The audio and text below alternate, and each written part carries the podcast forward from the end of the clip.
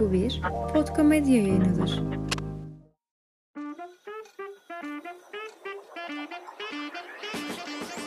Herkese merhaba, Yurt Dışı Kılavuzu Podcast'ına hoş geldiniz. Yurt Dışı Kılavuzu Podcast serisi, yurt dışında eğitim, staj ve kariyer için gerekli olan tüm bilgi ve yolları danışmanlık hizmeti olarak sunan Yurt Dışı Kılavuzu Eğitim Danışmanlığı bünyesinde oluşturulmuştur. Yurt dışına çıkmak istiyorum ama nasıl diyorsanız bizi dinlemeye devam edin. Ben Podkomedia'dan Çiğdem ve bugün yanımda Yurt Dışı Kılavuzu Eğitim Danışmanlığı kurucusu Ceransu Dertli var. Hoş geldin Ceransu. Merhaba Çiğdem, hoş bulduk. Ceransu, seninle birlikte önceki bölümlerde UCLA, Columbia, Yale gibi 14 farklı Amerikan okulundan nasıl kabul aldığını ve dünyanın en prestijli burslarından biri olan Fulbright bursunu almaya nasıl hak kazandığını detaylıca konuştuk. Tüm bunları anlatırken TOEFL'dan 112 puan aldığından bahsettin. Ben bu skorun ardını merak ediyorum. Dolayısıyla sormak istiyorum. Nasıl bu kadar yüksek bir puan elde edebildin ve bunun için nasıl hazırlandın? Tabii Çiğdem. Öncelikle çok kısa TOEFL'dan bahsetmek gerekecek olursa belki bilmeyenler vardır. TOEFL yaklaşık 2,5 saat süren uluslararası bir İngilizce dil yeterlilik sınavı aslında. Ve 4 farklı alandan İngilizcenizi ölçüyor. Bunlar okuma, dinleme, konuşma ve yazma. Bu 4 farklı alandan 30 puan üzerinden değerlendiriliyorsunuz ve toplamda 120 puan üzerinden bir skorunuz oluşmuş oluyor. TOEFL'ı ETS diye bir sınav kurumu düzenliyor ve bu sınavı sınav merkezlerine de girebiliyorsunuz ya da evde home edition olarak da sınavı alabiliyorsunuz. Ben nasıl hazırlandım konusuna gelecek olursak, diğer tüm klasik format sınavlarında olduğu gibi, Türk sisteminden de aslında bildiğimiz gibi konuyu ya da bu örnekte dili bilmek kadar sınavın formatını ve mantığını anlamak da bayağı önemli. Ben de bütün bu sürece ilk olarak ETS'nin kendi sitesindeki örnek TOEFL sınavını yaparak başladım. Bu örnek sınavı çok bir hazırlık yapmadan yaptım aslında. Birazcık nasıl bir sınav var, nasıl bir e, structure var sınavın, nasıl bir mantığı var, nasıl sorular soruyorlar bunu anlamak için. Genel sınav mantığını anladıktan sonra ben nerelerde eksiğim ve nerelere odaklanmam lazım diye aslında kendimce böyle bireysel bir plan çıkardım. Ama bu kişiden kişiye çok değişebilen bir konu. Yani bazısı bu sınavı yaptıktan sonra işte kelime eksiği olduğunu fark edebilir ya da gramer eksiği olabilir ve ona yoğunlaşmak isteyebilir. Benim case'imde birazcık daha genel pratiğe yoğunlaşmak ve her bir bölümde aslında zamanı daha efektif kullanmak benim odaklanmak istediğim nokta olarak çıkmıştı. Bu sınavdan sınava da değişebilir. Örneğin uluslararası ALES gibi olan GRE sınavı için benim odaklanmak istediğim noktada kelimelerdi. Ama TOEFL'da genel olarak daha çok hem genel pratik yapmayı hem de konuşma özelinde daha çok pratik yapmaya odaklandım. Özetle bakacak olursak da bir tane örnek sınav yapıp genel sınav mantığını anlayıp sonra eksik noktalara odaklanarak bol bol pratik yapmak benim stratejimde diyebilirim. Hı hı. Yani aslında ilk başta kendi eksik olduğun alanı tespit edip ona göre bir yol haritası çizmişsin. Ama ben eminim senin buradan kendine aldığın farklı öğretiler de vardır. Sence bu hazırlık sürecinde neyi daha iyi yapabilirdin? Kesinlikle öyle. Sınava girdikten sonra özellikle fark ettim ki daha çok yazma pratiği yapabilirdim. Çünkü sınav heyecanıyla istediğim kadar hızlı değildim o süreçte. TOEFL'un yazma bölümünde hani giriş, gelişme, sonuç olmak üzere çok aslında kapsamlı ve her biri oldukça efektif, İngilizcesinde çok iyi olan bir akademik yazı, bir essay bekliyorlar. Ve burada mesela giriş ve gelişmeye odaklandığım için sonuç paragrafını böyle son 2-3 dakikada falan yazmam gerekti. İstediğim kadar böyle efektif olmadı. Bunu daha iyi yapmak için sınava hazırlanırken daha fazla sınav ortamında pratik yapabilirdim diye düşünüyorum. Bu da ne demek? Aslında sınav ortamını kendi evimde bir şekilde simüle ederek işte Word dosyasında buna çalışırken otomatik düzeltmeyi kapatmak, süreyle çalışmak, bambaşka konulara üzerine daha çok pratik yapmak gibi şeyler olabilirdi. Bunun yanı sıra ise daha çok konuşma pratiği yapabilirdim diye düşünüyorum. Bu konuşma bölümlerini kendi kendime ses kaydedip daha sonrasında dinlemiştim ama bunu daha çok yapmak, hani daha fazla pratik yapmak çok daha fazla işime yarardı. Süper. Bu da yine dinleyenlere 112 puan alınsa bile nelere daha fazla dikkat edilebilirdi açısından örnek oluyor olacaktır. Ama biliyorsun ben dinleyicilerin sesiyim ve her bölümde onlar için tavsiye alırım. Yine bu noktada onlar yerine şunu sormak istiyorum. TOEFL'a çalışacaklara neler önerirsin ve hangi online ve offline kaynakları kullanmaları onlar için faydalı olur? Bu seviyeye bağlı olarak değişir aslında. İngilizcesi orta düzeyde olan biri kendi kendine bu sınava hazırlanabilir gibi geliyor bana. Ama çok da iyi İngilizcesi olmayan biri ilk başta böyle bir dil kursuna gidip birazcık daha İngilizce üzerine çalışıp sonra TOEFL'a çalışmaya başlaması daha stratejik olabilir. Önemli olan gerçekten nerede eksik olduğunuzu, hangi seviyede olduğunuzu bir anlamak. Bunu da bu örnek sınavlarla yapabilirsiniz. Sonrasında stratejik tamamen sizin ihtiyaçlarınıza yönelik bir çalışma programı oluşturmak ve aktif olarak da aslında bu programda ilerledikçe programı update etmek. Yani belki bir alanda beklediğinizden çok daha hızlı ilerlediniz. Bu yüzden programın geri kalanını esnek bir şekilde düzenleyebiliyor olmak bence önemli. Bunun dışında çok fazla TOEFL kitabı var aslında ana kaynak olarak kullanılabilecek.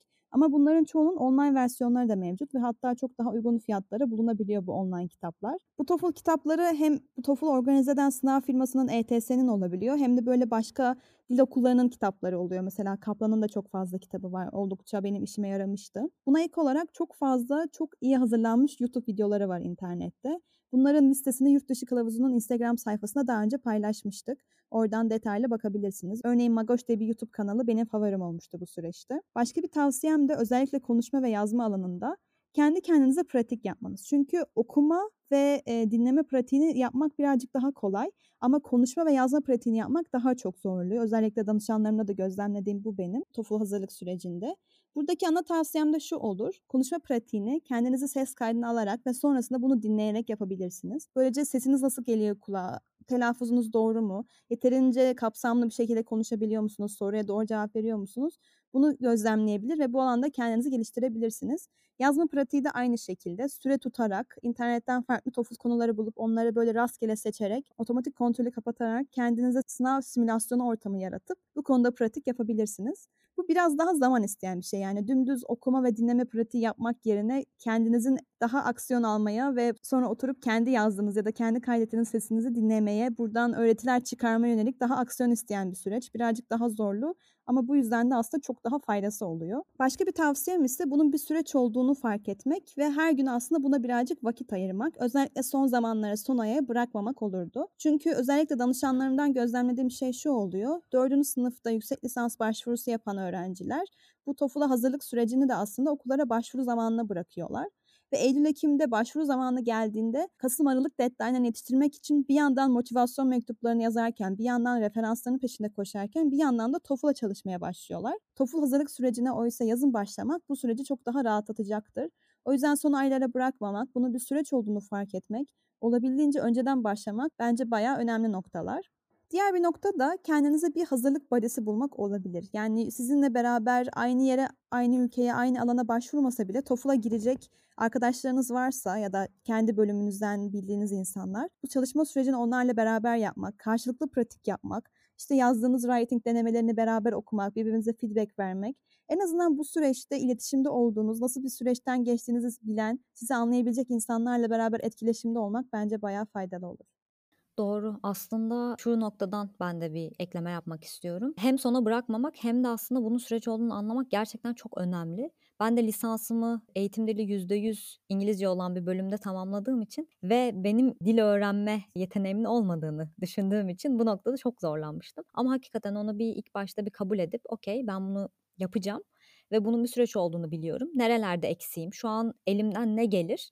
Bunlar bunlar gelir diğer adımları sonra düşünmek. Yani bunu bütün süreci düşünmek gibi değil de hayır bu bir süreç. Şu an elimden ne geliyor? Daha kısa dönemli süreci düşünüp sonrasına devam etmek bence çok daha yardımcı oluyor. O noktada hakikaten hani hem son duruma bırakmak o aceleye o paniğe neden oluyor olabilir. Hem de onu işin hakkını verememeye neden oluyor olabilir. Bunun daha önceden süreç olarak görülüp tane tane geliştirilmesi çok daha katkı sağlayacaktır senin dediğin gibi. Aynen öyle. Çünkü yurt dışı başvuru süreci deyince insanlar son sene başlarım diye düşünüyorlar.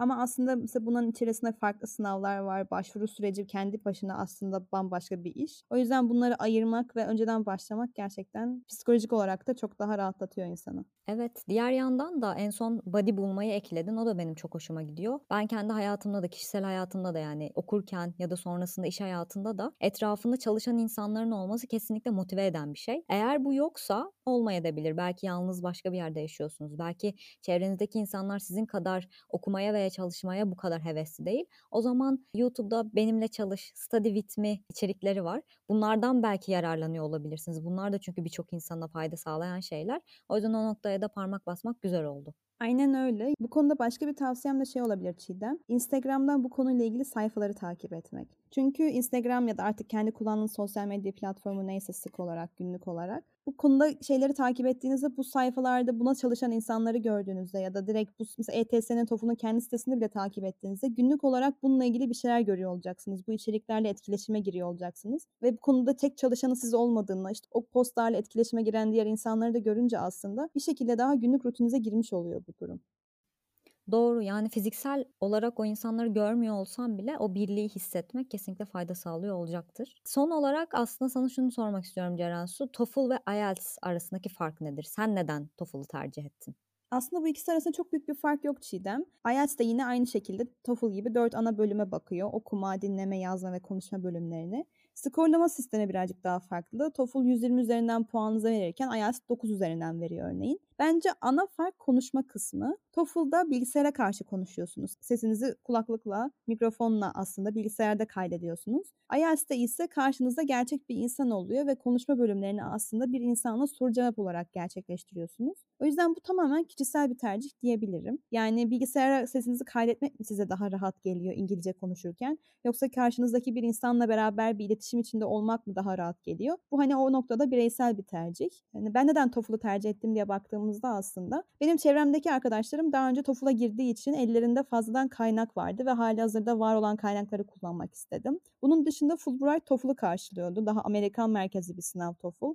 IELTS ise daha İngiltere merkezli bir sınav. Ama bu pek bir şey değiştirmiyor çünkü çoğu okul ikisini de kabul ediyor. O yüzden hani gittiğiniz ülkenin sınavına yönelik bir hazırlık yapmanıza özellikle gerek yok. Herhangi birine girip herhangi bir yere gidebilirsiniz.